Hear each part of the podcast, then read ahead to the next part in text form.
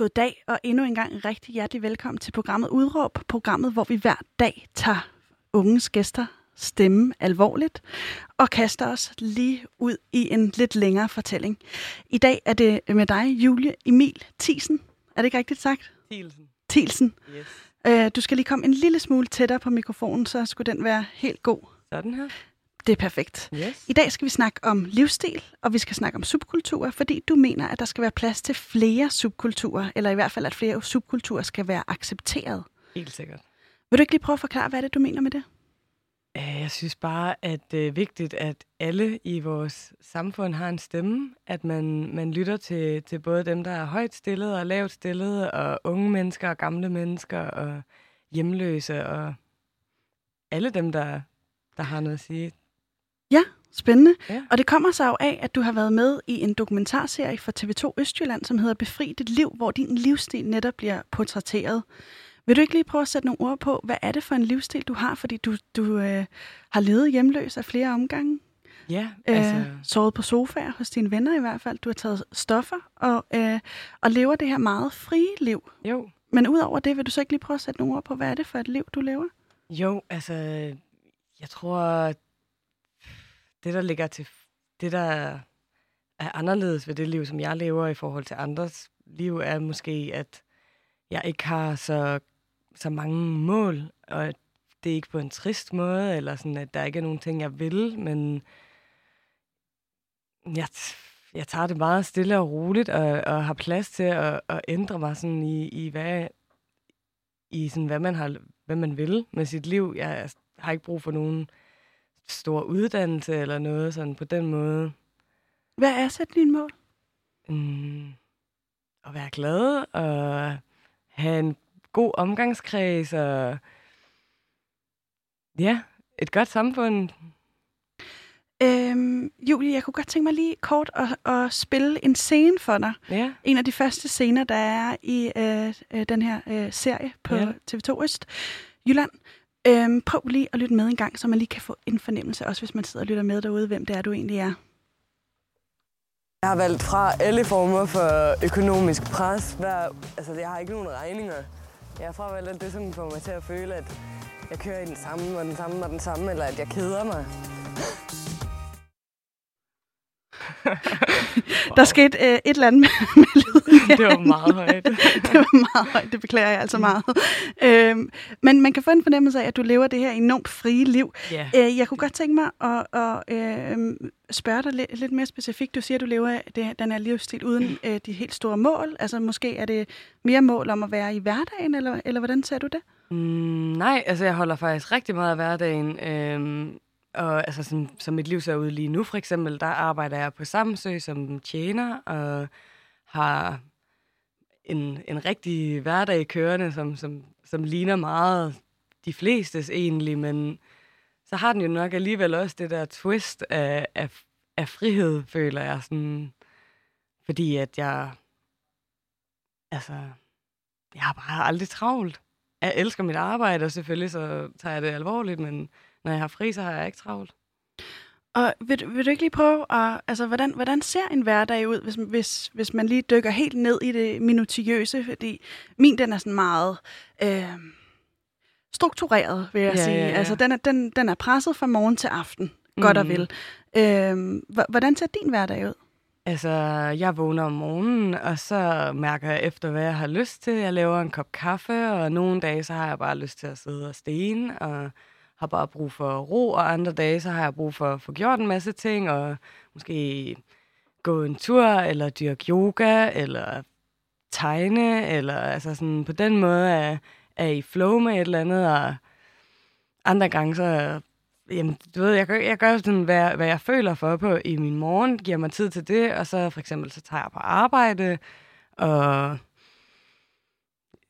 gør mit arbejde. Og så, når jeg har fri igen, så tager jeg hjem, og der vil typisk være andre, der også, som er dem, jeg bor sammen med mange mennesker, og de har også fået fri, og så drikker vi nogle øl, eller ryger en joint, og sidder og snakker om vores dag, og, og snakker om alle mulige ting, og så går man i seng, og ligger der og falder så med et smil på læben.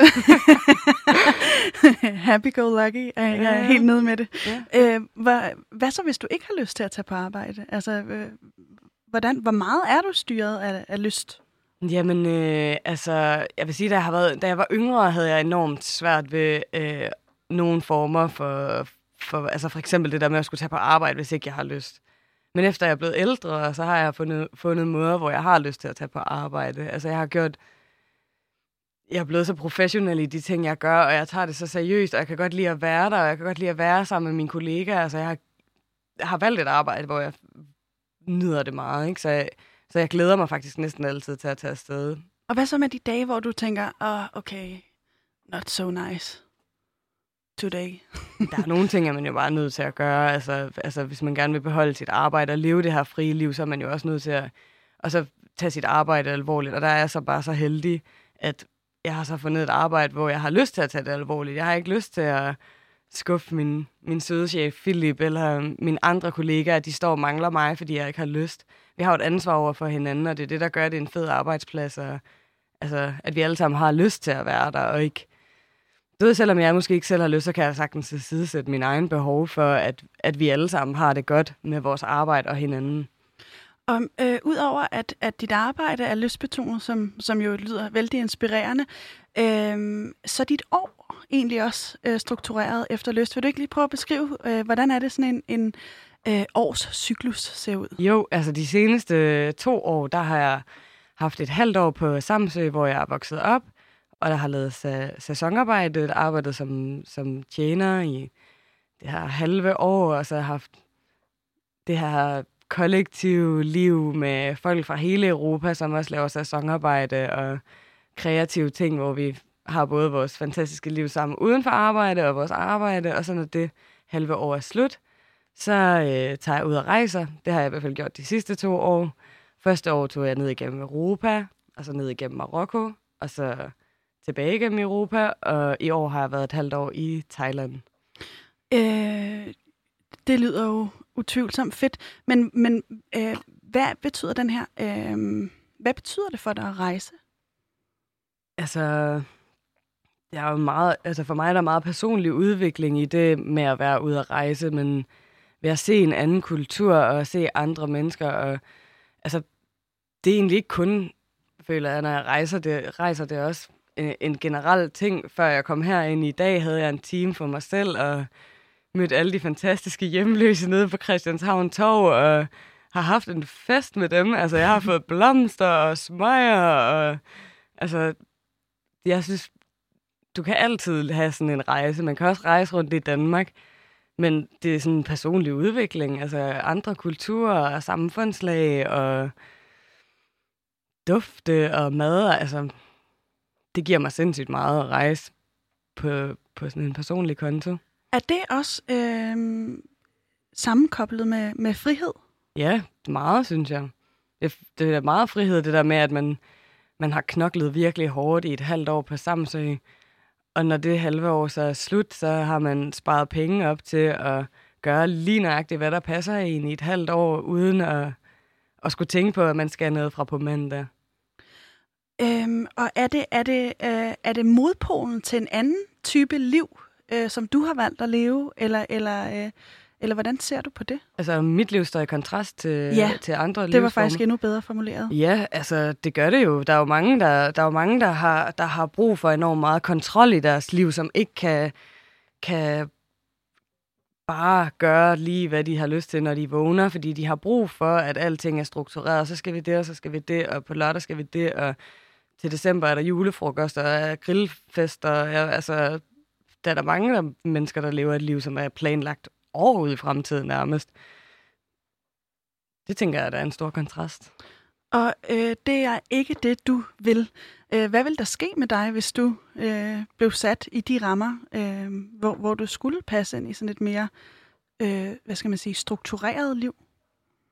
Altså, det... Det føler, det føler, det er en myte, at der er nogen, der skal det. Det, det skal jeg. Det ville da aldrig noget, der vil gøre, at jeg skulle. Man kan jo altid vælge at gøre på en anden måde. Jeg ved ikke hvad, helt, hvad du mener. Jeg tænker bare, vi kan vel ikke alle sammen leve, som du gør? Eller, eller øhm, det kan i hvert fald være svært, tror jeg, for nogen at, at bryde med de forestillinger, jeg selv oplever i hvert fald i det samfund, som er etableret omkring os, mm. øh, med uddannelse, stabil økonomi og alle sådan nogle ting. Er, øh, og jeg, som jeg ser det, så er, er dit liv på en eller anden måde modpolen til det. Ja, ja, ja. Og øh, jeg vil bare høre dig, har du, har du gjort nogle overvejelser om lige det, der bliver skæld, jeg sætter der? Vi er helt sikkert, og altså, jeg synes øh, slet ikke, at jeg skal... Mm, nej, alle skal ikke leve ligesom mig. At der ikke, alle skal jo ikke leve på, på nogen måde. Der, det, det liv, som du lever, er jo sikkert helt vildt rigtigt for dig, og helt vildt rigtigt for mange mennesker, og det er jo jeg synes ikke, jeg skal være herre over, hvad nogen andre gør i deres liv, eller egentlig have, en, have så meget en holdning. Jeg har ikke så meget en holdning til det, fordi jeg ser jo, at det fungerer for nogen, og at de er flow med det, som de gør, men jeg tror, der bare er sindssygt meget behov for, at der er begge dele, og at vi alle sammen er åbne for, at man kan begge dele. Altså, om det er rigtigt eller forkert for en, så kan vi godt være nysgerrige på hinanden, og vi kan også godt altså, jeg tror, det er rigtig vigtigt, at der er nogen, som tager ud og rejser og har de her oplevelser og kommer tilbage til Danmark med ny energi, og nu skal du høre, at jeg mødte dem og dem, og altså... Det er der behov ved, for. Det, det synes jeg, der er. Jeg synes, at det er, det er fedt, at der er nogen, der kan, og andre, der ikke kan, altså som det er med alting, tænker jeg. Og er der, er der øh, du sagde, at der, at der manglede på en eller anden måde en, en nysgerrighed til det, eller også var det noget, jeg ledte ud af det, men, men øh, Øh, vil du ikke prøve at forklare, hvad du mener med det? Mm, jeg ved ikke, om jeg føler, at det er en manglende nysgerrighed så meget. Altså, jeg vil synes generelt, at jeg synes generelt, der er en manglende nysgerrighed, helt sikkert, men om der er en manglende nysgerrighed til sådan lige min livsstil, det er ikke så meget nysgerrigheden, det er mere bare sådan en åbenhed, at vi altså anerkender hinanden alle sammen, at man ikke, altså jeg, jeg oplever meget, du skulle se, hvordan folk de kigger på mig, fordi jeg sidder og snakker med de hjemløse, for eksempel. Altså, du ved, folk de er sådan helt, hvad laver den pige der? Skal vi gå over og hjælpe hende? Du ved, puh, have det skidt. Altså, at vi i stedet for, du ved, at have den der sådan med at være lidt bange for hinanden, fordi vi er forskellige, så bare kan være åbne og åbne over for, at det er sådan. Og det tror jeg for eksempel ved, at vi har sådan et, et radioprogram, eller befri dit liv, du ved, det der med, at folk de bliver en lille smule provokeret af at se det måske, men alligevel så så får de lov til at se det, og de bliver lidt, måske en lille bitte smule mere okay med det, fordi de ved, det findes. De har ikke sådan et eller andet fuldstændig forvrænget billede af, at dem, der tager stoffer, de er voldelige eller et eller andet, du ved, for det kan de jo tydeligt se, at det er jeg i hvert fald ikke, selvom jeg rører has, ikke? og så prøvet, prøvet andre ting i hvert fald, ja, hvad det kommer. Kommer selvfølgelig. Fest. Øhm, er det, er det i virkeligheden en, en fuckfinger til det mere etablerede, øh, at du har valgt også at leve på den her måde, som du gør? Nej, overhovedet ikke, synes jeg. Jeg har ikke... Øh... Nej, det, det synes jeg ikke. Altså mere sådan en øh, udstrakt hånd. jeg synes, det kunne være fedt, øh, hvis vi kan være, altså hvis vi kan være sammen i stedet for at række fuck til hinanden. Jeg kunne godt tænke mig, at vi lige øh, bliver ved det der med friheden. Fordi jeg kunne godt tænke mig at høre, hvordan er det, du definerer frihed? Jeg ved godt, det er et vældig abstrakt spørgsmål, men ja. jeg håber, du kan, du kan sætte nogle ord på. Altså, det er selvfølgelig det er et abstrakt spørgsmål, men, men det er meget tydeligt for mig, hvordan fri, altså, hvad frihed i mit liv er, eller hvordan jeg både søger og lever min frihed. Øh, og det er, er lige præcis det her med ikke at planlægge for meget ud i fremtiden, og ikke at kun gøre det, hvis det er noget, jeg virkelig, virkelig gerne vil. Altså fordi, hvor jeg går og glæder mig til det, at det, det ikke for meget rutine. Altså rutine for mig tager lidt min frihed væk, synes jeg. Og ja. Er, er rutine øh, modpolen til frihed, hvis man skulle stille det sådan lidt skarpt op? Nej, det synes jeg heller ikke, det er. For mig, for mig er... Altså, der er også nogle rutiner i mit liv, som også er gode, men Og ligesom, det er mere måske det der med at være, være låst fast i, at man har valgt det her liv, og det er det, jeg dyrker, og det er det, jeg skal resten af mit år, næste år, og kontrakter langt ud i fremtiden, tiden, og jeg ved ikke hvad, som, som jeg ikke kan se mig selv i, fordi at det vil jeg føle tog min frihed. Ja, det kan jeg, øh, det kan jeg så udmærket følge dig i. Øhm, hvordan er det, du mener, at, at øh, livsstil? Fordi det er vel ikke kun din egen går ud fra, at der skal anerkendes. Det er også andre, eller hvad vil du sige? Ja, helt sikkert. Jeg synes, det er, det er alle livsstil. Jeg synes, Altså, jeg synes, at de skulle starte med at gå ned og invitere nogle af de hjemløse, jeg lige har snakket med herop, fordi de har også nogle vildt spændende historier og sådan noget. Jeg synes, jeg synes hvis, vi, hvis vi tager lidt af alle og inviterer dem ind i det her sådan offentlige talerum og de her ting, så får vi nogle flere nuancer på, og, og jeg synes, alle skal lyttes til faktisk. Også de psykisk syge, og også de handicappede, og altså sådan hele vejen rundt, synes jeg, det kunne være enormt spændende at have flere nuancer af folk, ikke? Og der er ikke et sted i samfundet, eller øh, hvor du ser, at okay, det, der er nogle livsstile, som bare ikke skal anerkendes. Nej, fordi de findes jo. Jeg synes, at øh, ved, jeg har fået mange kommentarer, for eksempel på Facebook, og folk, der siger, øh, at du ved, man, man lever, altså man, at jeg lidt benægter virkeligheden, eller sådan, jeg lever i sådan en, en, en fantasiverden af, at samfundet ikke, ikke eksisterer, eller ikke er reelt. Og jeg, jeg synes, det er helt omvendt, fordi jeg synes, at det er så sindssygt tydeligt, det her samfund for alle. Du kan da ikke undgå at se det. Du kan ikke undgå at se, hvordan systemet hænger sammen. Og så kan man synes, hvad man vil om det, men, men den livsstil, som, som jeg lever, kan man sagtens undgå at se. Og, altså, jeg synes, det er faktisk det er den anden vej rundt, at, altså, at at der er folk, der er sådan lidt vender... De ting, der ikke bliver talt om, er bliver jo de ting, som ikke... Den tror jeg ikke, jeg forstår. Vil du prøve at gentage det? Ja, men jeg tror også, jeg lige tabte tråden okay. øhm, det var altså, det, det, det, det, det, virkede så afventende, så jeg tænkte, gud, hvad skal, hvad skal jeg svare? jamen, det gjorde jeg. jamen, det er, fordi jeg selv lige tabte tråden. Nå, det er fint. Øhm. Øh, men så kan jeg lige spørge dig, øh, hvordan er det, du synes, at den skal øh, accepteres? din livsstil? Altså, du siger, at, at er det nok bare at lytte, eller, eller hvad er det? Ja, altså det bare vi altså anerkende hinanden, altså sådan, det, det, det er svært for mig, altså det, det er jo egentlig ikke så meget, jeg føler ikke, at jeg ikke bliver anerkendt, fordi jeg har også en, en ret professionel side, og altså når jeg, når jeg serverer folk for folk i restaurant, så bliver jeg også set i øjnene, og altså folk, de, de nedværdiger mig ikke, det føler jeg ikke, men for eksempel de hjemløse. Altså, jeg tror ikke, det er tit, at der er nogen af, af os, der ikke er hjemløse, der ser dem i øjnene, for eksempel. Og på den måde, at vi anerkender hinanden, og vi, og vi lytter til hinanden, i stedet for at være så bange for det, vi ikke kender.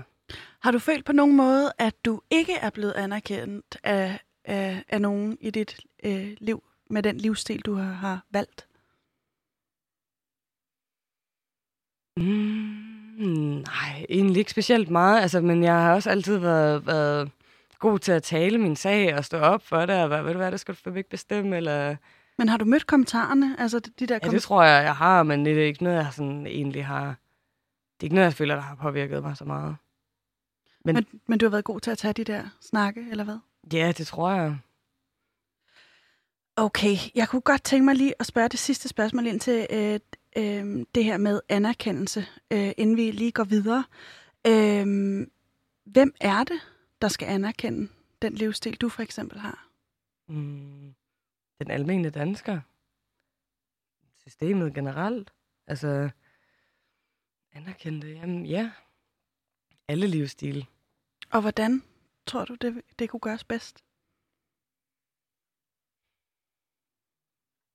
Jamen, ja, det, det er et svært spørgsmål, hvordan vi skal, vi skal gøre det i samfundet. Det, det, jeg synes, det er svært for mig at svare på. Altså, mere, altså jeg synes, hvis, at, hvis medierne havde en, en bredere generelt, fordi medier er så stor en del af, af det sådan... Det er maskineri. Ja, lige præcis. Altså hvis, det, hvis, hvis der var en sådan mere nuanceret... Ja, en mere nuanceret opfattelse af kulturer? Eller? Nej, hvis der var mere taletid for folk, som ikke er højt stillet, og ikke er højt uddannet, og ikke har alle de her ting, du ved, hvis vi kunne få vores alle sammen stemme, og altså, sådan en som Kim Larsen, der lige er død, ved, han gjorde det fandme godt. Hvordan gjorde han det godt? Jamen, han stod op for folket, altså han var meget for, for, for underklassen, og for os alle sammen, at der skal være at vi skal anerkende, at det er den hårdt arbejdende, der, der holder samfundet oppe, og det er en menneskeret at ryge, og du ved, bare sådan den der meget øjenhøjde, føler jeg, for alle, altså snakker helt nedefra. Det synes jeg er vildt fedt. Er det, Er det sådan en som Kim Larsen, der er dit forbillede? Fordi jeg forestiller mig, at hans liv også på en eller anden måde har været øh, struktureret. Det, han, er, han er, altså, øh, Tror du alligevel det? Ja, jeg ved det ikke, men nu, nu kommer vi også ud i nogle gissninger, så det kan jo godt være, at vi skal holde os fra dem. Ja, ja. Men i mellemtiden vil jeg lige sige øh, goddag og velkommen. Hvis du lige har hoppet på linjen, så kan jeg fortælle dig, at du lytter til programmet Udråb. I dag med mig, Pauline Kloster, og med mig i studiet er øh, Julie Emil Thiesen. Thielsen. Thielsen Thielsen, yes. noteret. øh, vi snakker om frihed, og vi snakker om livsstil, fordi at du mener, at øh, vi skal acceptere andre livsstile. Øhm, frihed betyder jo en hel del for dig, men vil du ikke lige prøve at fortælle mig, hvilken kultur er det, øh, du taler ind i med din livsstil? Altså, hvilken kultur jeg lever i? Ja, altså jeg forestiller mig bare, at I er en del af, eller du er en del af en, en subkultur. Helt sikkert, ja. Og øh, vil du ikke lige prøve at sætte nogle ord på den kultur? Jo, altså... Mm, altså bare i min vennegruppe, og i dem, som jeg tit falder sammen med og, og bliver venner med, er vi alle sammen meget frie, kan man kalde det, og accepterende over for hinanden. Altså, der er meget... Ja, der er meget forståelse og meget sådan plads til diversitet og spændende snakke, og at man kan sådan smage på livet sammen, kan man sige det, uden at det bliver for abstrakt. Ja, men vil du prøve alligevel lige at sætte nogle ord på, hvad du mener med at smage på livet sammen? Altså, alle sammen være nysgerrige sammen og dele vores viden, og altså... Ja, det, det er svært for mig at sætte ord på det, fordi det, er mit- det er jo meget bare min hverdag, altså...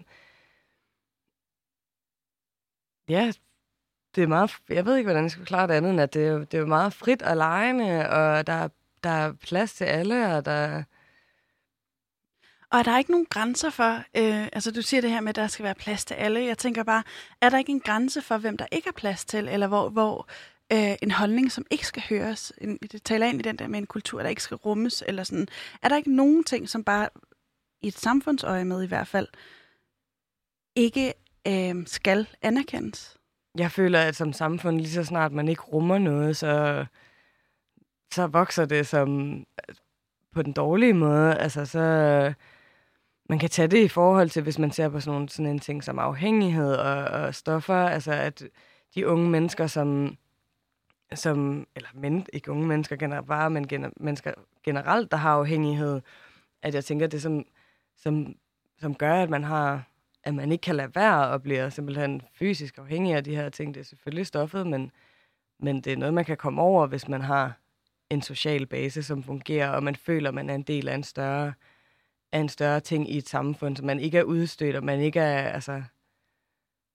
Det kan du se, der er, mig, der har lavet mange forsøg med det, med, både med rotter og mennesker, om, hvad det, i forhold til afhængighed, hvor du kan tydeligt se, at, at det er lige så snart, man er ekskluderet fra samfundet, lige så snart man er set er sådan stemplet som, som ikke fungerende, at, at, at det hele begynder at falde sammen, og man ikke kan ligesom trække sig ud af det her. Og, øh, og det, med det argument, at du siger, at der skal, der skal simpelthen være en, en anerkendelse over for andre, der ikke fungerer som en selv. Fuldstændig. Øh, hvad for eksempel med, øh, øh, lad os lige tage et lidt gralt eksempel, øh, vi, vi, nazismen, ja. Øh, som jo egentlig ekskluderer andre. Altså skal, skal Ja. de også rummes, eller, eller er der går grænsen der? Jeg synes, de skal have noget hjælp, de skal have noget terapi. Der har, der er simpelthen må være sket noget i deres barndom, som har været så forfærdeligt, at de har så meget had til andre mennesker, og det, det skal tages meget, meget, meget mere alvorligt, end det bliver gjort. Og nej, de skal ikke ekskluderes, og de skal ikke skubbes længere derud, for jo mere de bliver det, jo surere bliver de, og jo mere had og vrede og alle de her ting har vi. I stedet for, så skal de simpelthen have noget alvorlig terapi. Skal endda indlægges, altså, vil jeg sige. Så er der lige givet et godt råd med videre her. Ja, søg noget hjælp, helt ærligt, det synes jeg. Øhm, Julie, jeg kunne godt lige tænke mig, at vi, lige øhm, blev i det her med, med subkulturen, du på en eller anden måde er en del af. Kan man sige, at der er et eller andet bestemt, der definerer jer som subkultur? Ja, må jeg faktisk, jeg, jeg blev lige, altså, hang lige fast i det, vi sad og snakkede om før. Mm. Øhm, jeg tænker, at i forhold til racisme, hvis du kan sidde og snakke, tale med en racist, og rent faktisk se ham i øjenhøjde, selvom at du synes, det han synes er, er, er super, super forkert, lige så snart du ser ham i øjenhøjde, så kan han også se dig i øjenhøjde med din holdning, og så kan I måske forhåbentlig blive klogere, eller han, han kan blive klogere, som jeg tænker i det her tilfælde er, vil, vil gavne alle, at, at du ved, hvis du smider det der, ah, fuck, det der racister, man, du ved, fuck dem, og de skal bare brænde i helvede og sådan noget, så putter du også bål på brændet, brænde mm. på bålet. Ja, jeg forstår, hvad du mente. Øhm, ja, det var, det var lige de ord. Men hvis vi lige bliver i det her med, med subkulturen, er der så en, en bestemt måde, I definerer jer på, altså som du ser det? Jeg tænker, at øh, der er mange, der vil kalde os hippier. Der er sikkert også nogen, der vil kalde os punkere. Der er også nogen, der ser sig selv som punkere, tænker jeg. Og øh, hvor befinder du dig hen i det her spektrum? Altså, min mor har altid sådan sagt, fra jeg var, fra, altså fra jeg var lille, at, at hende og min far var nok lidt hippier. Så jeg er sikkert hippie. Det er det i hvert fald fint med.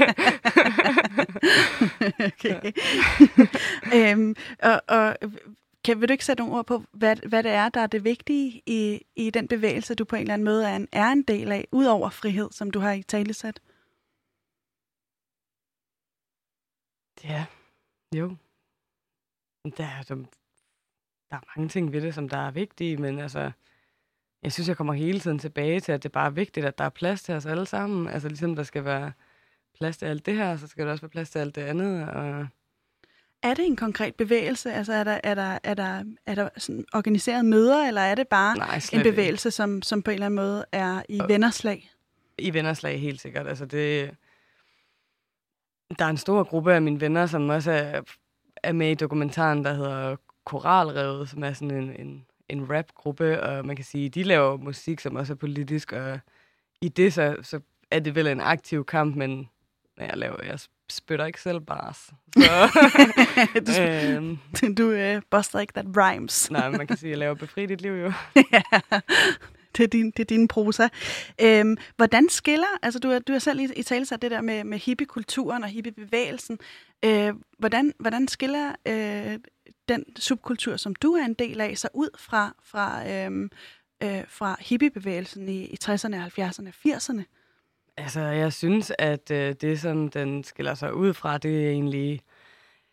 Altså, i bund og grund tror jeg ikke, der er, der er den store forskel, men der, hvor der er en forskel, er jo, at øh, tiden har ændret sig. Vi har teknologi nu, og øh, internettet og sociale medier og alle sådan nogle ting, som jo bare generelt har, har har lavet nogle ændringer, tænker jeg, i vores, i vores kultur og, og subkultur. Hvordan tænker du det? Mm, altså, det første, jeg lige tænker med det, det der i hvert fald i forhold til for eksempel med stoffer, at altså, der var mange gange i 60'erne, hvor, jeg, hvor man hører historier om, at det gik rigtig, rigtig galt, og øh, folk fik alt, alt for meget af det ene og det andet, og vidste ikke, hvad de lavede. De eksperimenter, der ligesom blev gjort der, var, var under nogle, nogle lidt mere... Mm, ukontrollerede rammer i forhold til, hvordan det i hvert fald fungerer, fungerer i min vennegruppe, hvor vi tager stoffer meget alvorligt. Bortset fra, at vi dyrker dem, så læser vi også sindssygt meget om det, og er alle sammen sådan, åh, har du hørt det, og hørt den her podcast, og altså sådan, vi går meget op i, at, at når man gør noget, så gør man det rigtigt, og tager den rigtige dosis, og har spist det rigtige madagtigt. Altså, du ved, sådan, det er måske lidt overdrevet, men sådan generelt ved vi, ved vi hvordan du påvirker kroppen med forskellige ting, og, og hvad du skal være passe på med, og sådan nogle ting.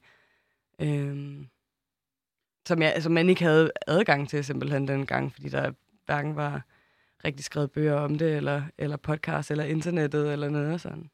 Så, så lige i forhold til stoffer, der, der øh, skiller jeg ud fra hippiebevægelsen. Øh, men øh, man kan sige, som, som det lyder lige på mig nu her, så øh, er det lidt de samme ting også, som går, sig, går igen ja, fra de ti, tidligere hippiebevægelser. Det her med frihed og med, der skal mm. lyttes til alle. Er der ellers nogle punkter, hvor du tænker, øh, her skiller vi os ud? Mm, det er jo svært at sige, fordi jeg levede jo ikke selv i 60'erne. Altså, jeg har jo kun det der billede fra historiebøger og sådan... Må jeg lige spørge dig om noget? Ja. Æ, er det billede, er det øh, det, der er repræsenteret på den næste lyd, lydbid, jeg lige godt kunne tænke mig at, at, at spille for dig? Æ, prøv lige at lytte med her.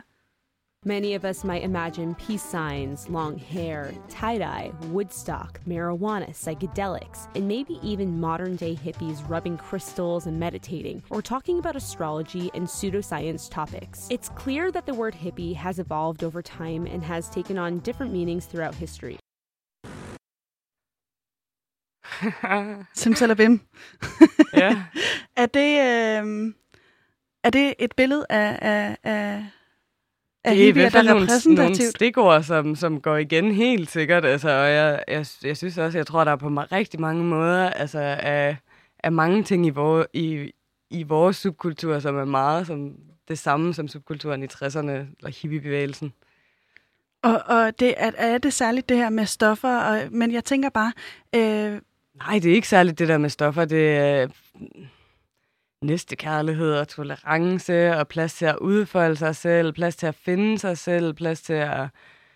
Altså, at man altid ønsker det bedste for hinanden, og der er ikke noget jalousi imellem os som venner. Vi har plads til at, at være vores autentiske selv, og aldrig blive grinet af, eller stillet op, eller altså, du ved, sådan det der, det der frie rum til at være dig selv, og, og den kærlighed, vi har til hinanden, og altså, det ser jeg bare ikke så meget i, i de andre ungdomskulturer. Der er ikke den der fællesskabsfølelse, som, som vi har, som, jeg, som er også det, jeg ser fra 60'er-bevægelsen. Jeg ser ikke sådan bare det der hippier og, og fri has og stoffer. Altså, det, det er nogle andre ting, som jeg synes, der er meget mere grundlæggende og vigtige. det med menneskesynet. Menneskesynet helt sikkert. Øhm, hvordan forholder I jer til det omkringliggende samfund? Jamen, vi, vi er jo egentlig en... Altså, jeg, jeg synes, i mit eget tilfælde, så så er jeg jo en, en stor del af det. Altså, jeg arbejder og betaler min skat, og er egentlig også øh, forholdsvis politisk aktiv, og altså, sådan går op i, hvordan vores samfund rykker sig, og synes, det er spændende på godt og ondt at, at følge med. Og, Og er der en eller anden sådan... Øh altså er der en kamp? Er der noget? Det kan man sige, det har på en eller anden måde også været repræsenteret i hippiebevægelsen af flere omgange måske.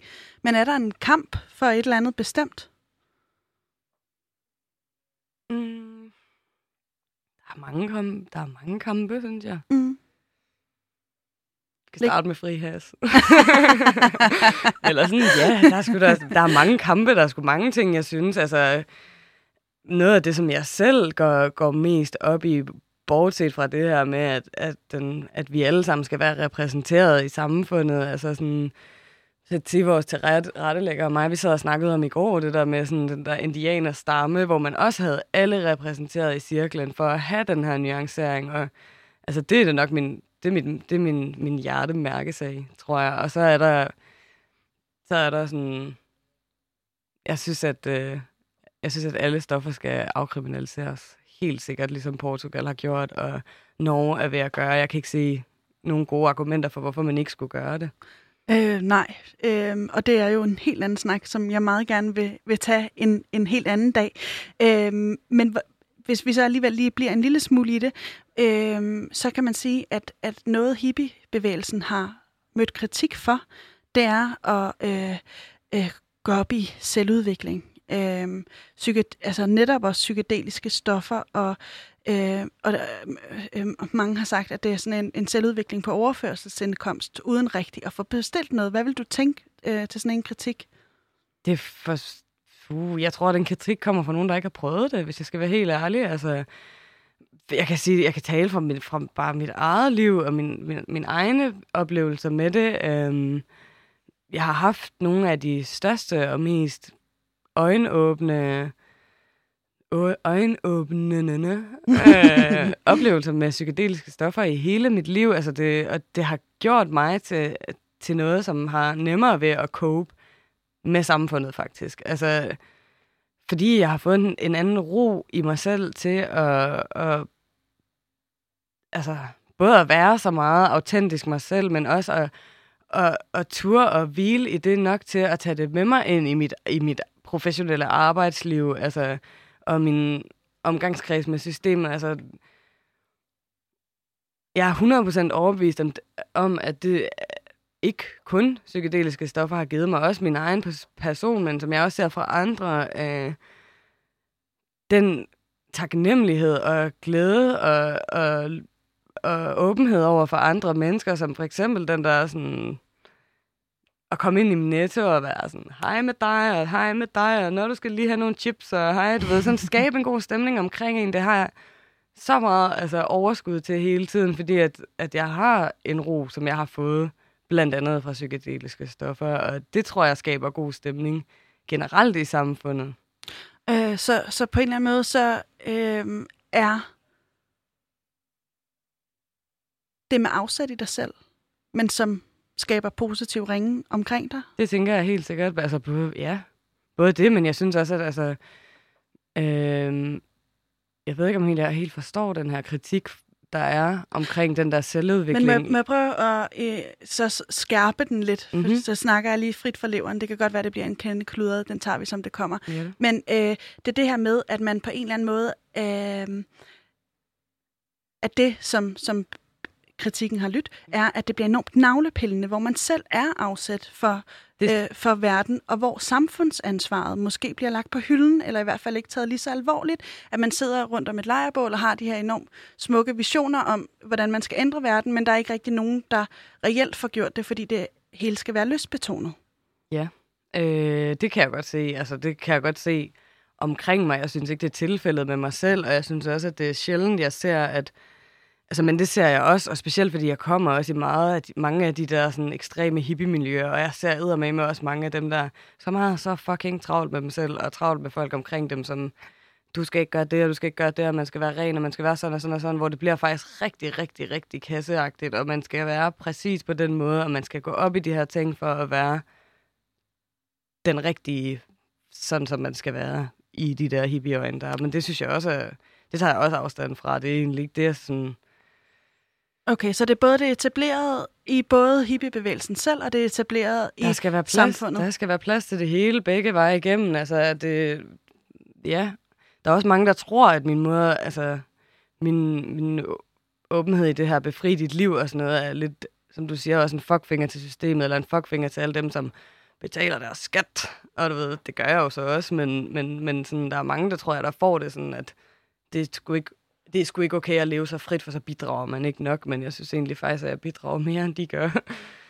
Og, og, og hvad hvis du ikke havde et arbejde, og ligesom kunne, som du kunne være glad for? Og hvad hvis det ikke eksisterede? Altså, vil, vil det så lidt mere være, være med hænderne i lømmen? ved jeg også godt, at det skærer den meget groft op, ikke? Det tror jeg ikke på, at det er. Jeg tror bare ikke på, at det er så sort og hvidt. Altså, der er alt, du kan altid finde noget, som, der, som du passer ind i. Altså, og hvis vi som samfund kunne hjælpe folk lidt mere til at finde det, som de passer ind i, og skabe en ramme for dem, hvor, det, hvor de tør at tro på, at man kan være andet end det samme som deres forældre, eller det, som deres forældre synes vil være det bedste for dem, eller whatever. Altså, at man har en mere åben ramme og en mere lejende ungdomsperiode i, i altså, for, øh, ordentlige rammer, eller hvad man kan sige. Men altså, hvis, så tror jeg, at vi generelt kunne, kunne, kunne løfte hele samfundet, fordi der bliver mere plads til, at alle gør tingene på deres, på deres måde, og på den måde bidrager. Men hvis vi alle sammen skal bidrage lidt på den samme måde, eller i hvert fald sådan den samme vej, og skal have den her skide uddannelse for at blive til noget som helst, så, så falder det lidt på jorden, hele samfundet, fordi man ikke, ikke har plads til nogen, som ikke kan de ting.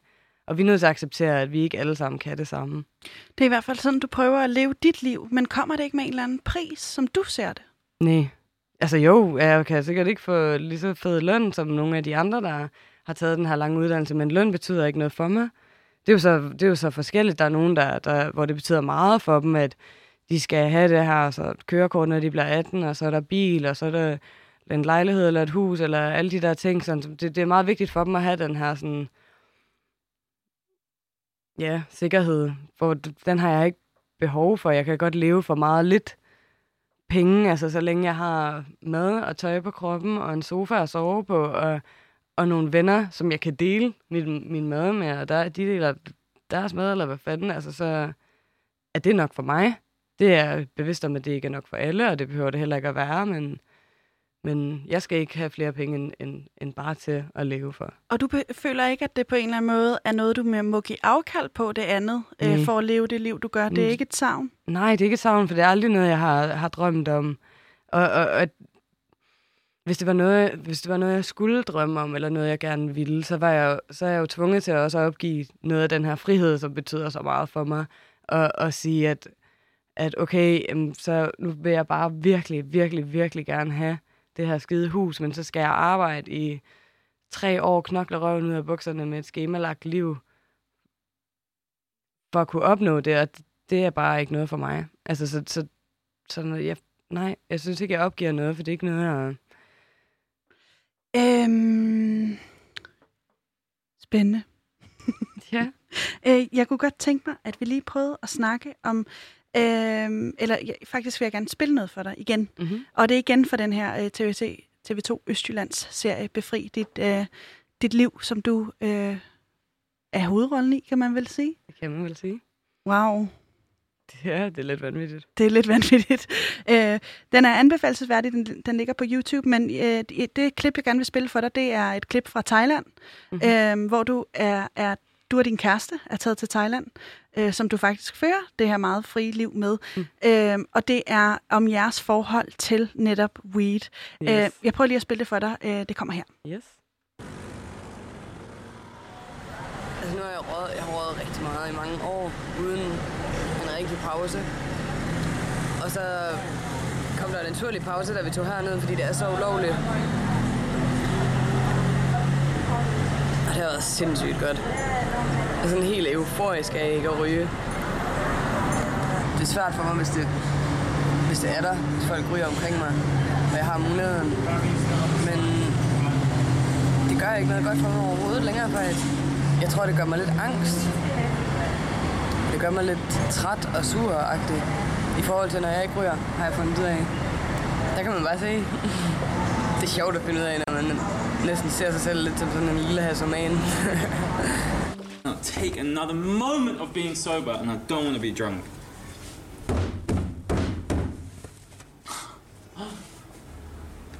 Please send me some weed.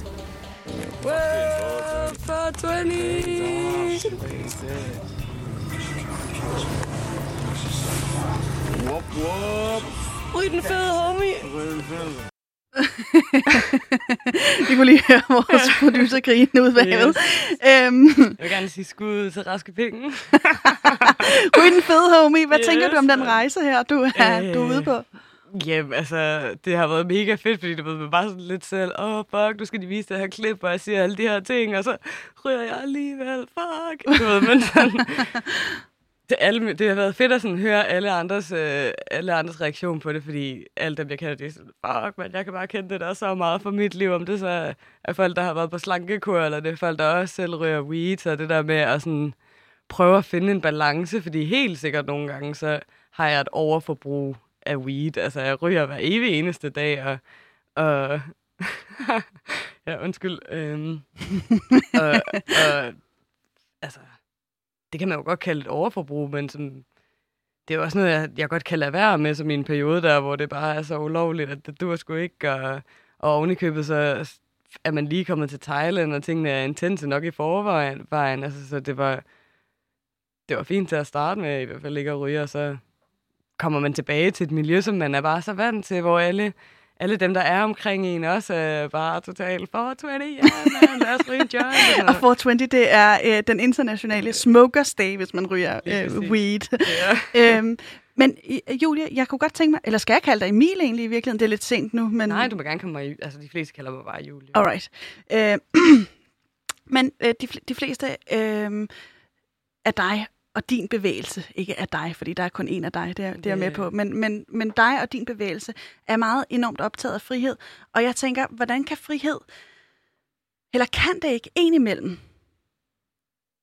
den her øh, intense søgen efter frihed og sådan en stræbelse efter frihed, og det der med, at man skal ryge, ryge øh, eller ofte kommer til det måske nok, ryge weed og tage psykedeliske stoffer, kan det ikke blive et fængsel?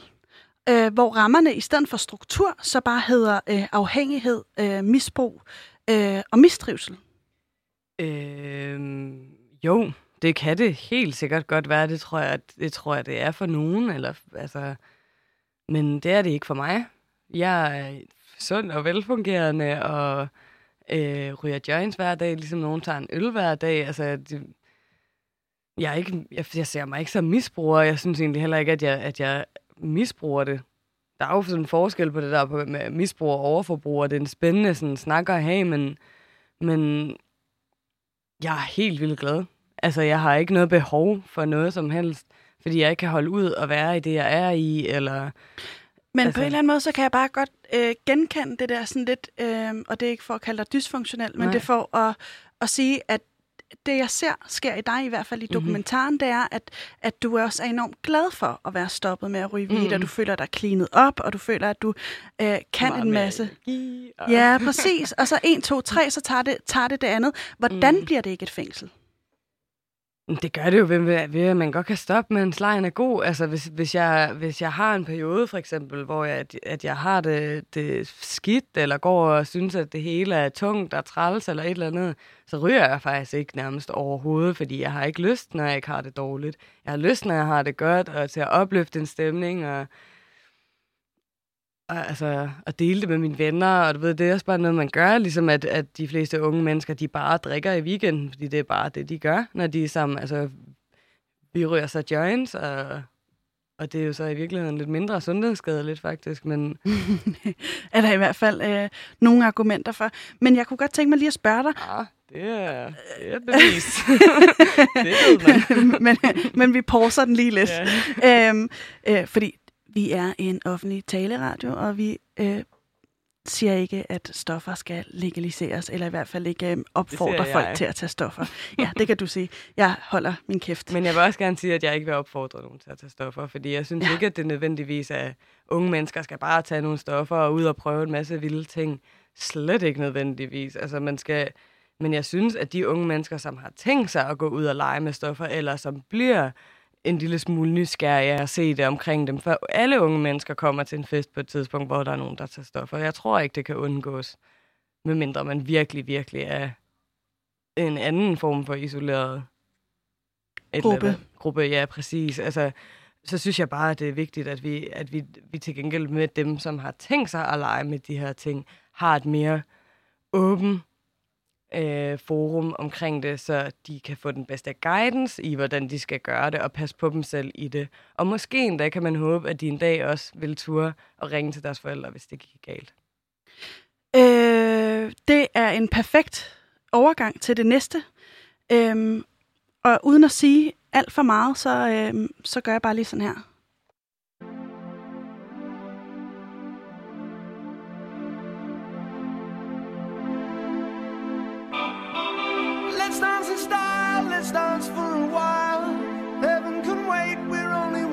Skies.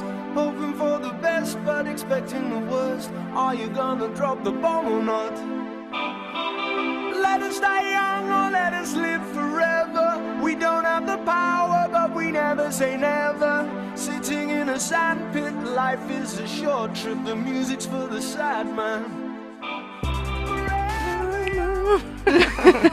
Der kom den, ikke?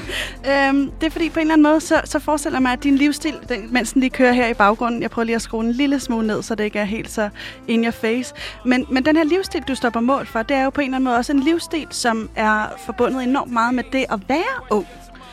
Hvordan ser du dig selv blive gammel med den her livsstil? Åh, oh, men det er jo sjovt. Det er der også en, der har skrevet sådan, øh, en kommentar med, sådan, at det bliver spændende at se, hvordan jeg bliver gammel. Og altså, jeg kan jo prøve at spejle mig lidt i mine forældre, og prøve at spejle mig lidt i, i de andre voksne mennesker, som, som jeg er inspireret af, som lever et fedt voksenliv. Altså, fordi det er jo meget et ungdomsliv, jeg lever, og jeg har ikke en forestilling om, at det er præcis sådan her, jeg kommer til at være rock and roll resten af tiden, fordi så tror jeg på et, på et eller andet tidspunkt vil det da have nogle konsekvenser, og man får noget mere ro på med alderen. Du ved, jeg tænker, at 30, så er man lidt mere chill out og sådan. Men som voksen og med børn og alle sådan nogle ting, der, altså, jeg bliver en fantastisk mor. Ligesom min egen mor. og, altså, jeg glæder mig til at, og, altså, jeg synes, det er vigtigt, at, at sådan nogen som mig, de får, får børn for at, at skabe det her frie mm, rum til, at de kan udvikle sig til at være lige præcis dem, som de er, under nogle fede rammer med plads til og ja, plads til det hele. Jeg tror, ja. Øhm, vi, er, vi er næsten jævnaldrende. Jeg er nogle år ældre end dig, men en ting, jeg virkelig er blevet mødt med, både i uddannelsessystemet, i forhold til parforhold og, og mange andre ting, det er det her med, at der har været enormt store forventninger, eller jeg ved ikke, om forventninger har været store. De har i hvert fald været der til, at man øh, får sig en uddannelse, man får en stabil økonomi, på et tidspunkt kan levere øh, nogle børn, i form af, hvis man får en partner osv. osv. Mm-hmm. Hvordan har du mødt de her forventninger? Fordi det er jo nogle meget definerende år, vi befinder os i. Ja. Øh, hvad det angår i hvert fald. Øh, forventninger.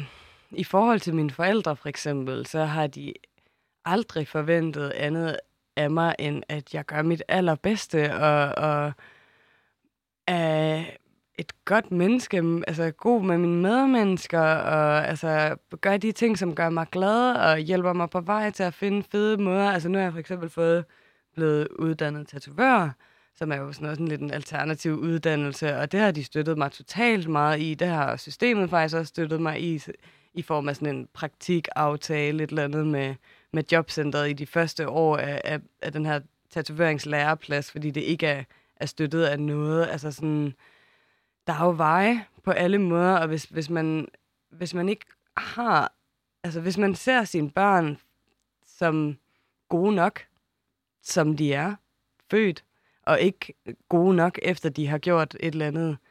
Ja, på betingelse af noget andet. På betingelse af noget andet, så tror jeg bare, bare der starter man til at, at skabe et, et frirum for dem til at blomstre i, i den retning, som de har behov for. Og så er jeg sikker på, at mine børn også vil komme til at kunne, kunne ture og, og, og være ærlige og dele deres liv med mig, så jeg kan støtte dem og guide dem på den bedste måde gennem det hele, og de aldrig skal være bange for for eksempel at komme og sige, fuck, man, jeg var til et fest, og der var nogen, der røg noget her, så jeg prøvede det også.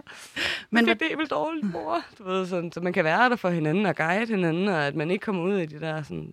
Men har du mødt de samme forventninger, som jeg har, eller har du bare forholdt dig til dem på en anden måde? Nej, ikke fordi jeg siger, jeg er fuldstændig styret af det. Altså, jeg ved ikke, hvad du mener med forventninger. Altså, er det, for, det er i forhold til øh, uddannelse og sådan Ja, noget? for eksempel. Nej, slet ikke. Altså jo, altså, mine forældre vil mig jo det, det bedste, og de ville da sikkert synes, det var fedt. Altså, de har jo bare de har ikke forventet noget, men de har jo prøvet at, at hjælpe mig til at finde ud af, hvad der vil virke bedst for mig, og hvad jeg har lyst til. Og hvis det så ikke har virket, så har vi snakket om det, og hvad skal vi prøve i stedet for? Hvad har du lyst til? Og har du brug for tid, eller plads, eller hvad skal du? Og så, så har vi fundet en vej sammen, som passer til mig, men uden forventninger eller pres, eller du burde nogensinde.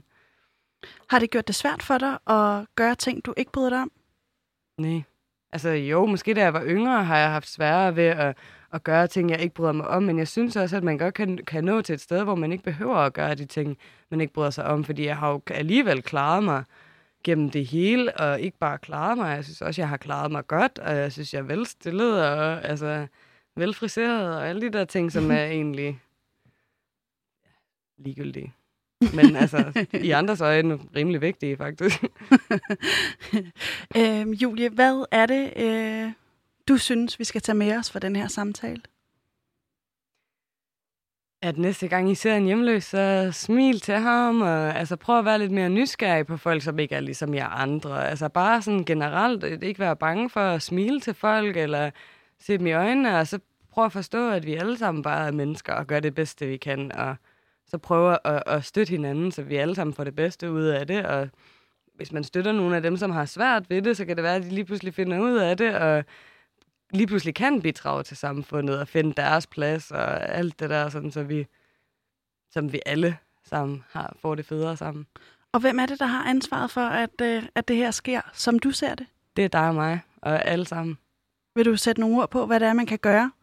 Ja, man kan, man kan prøve at se på hinanden med åbne øjne, og lade være med at være dømmende, og smile til hinanden på gaden. Altså lige, hvis du ser en hjemløs, og du har en smøg, så giv ham den, fordi det, han, altså whatever, bare vær sød og rar over for hinanden, og, og med åbne øjne. Du, man behøver ikke at gå i dybden med, Nå, hvordan lever du dit liv, eller noget. Altså det, men, men lige så snart, at du sænker dig ned på, på, på et menneskeligt plan, hvor vi uanset hvordan du er stillet i samfundet, kan se hinanden i øjenhøjde, så tror jeg, så kommer det lidt af sig selv.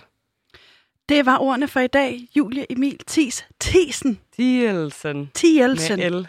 Thielsen. Yes. Tusind tak for i dag. Min producer var Vitus Robak, og programmet her er produceret af Rakkerpak Productions. Mit navn er Pauline Kloster, og vi er tilbage igen i morgen. Nu er der nyhederne.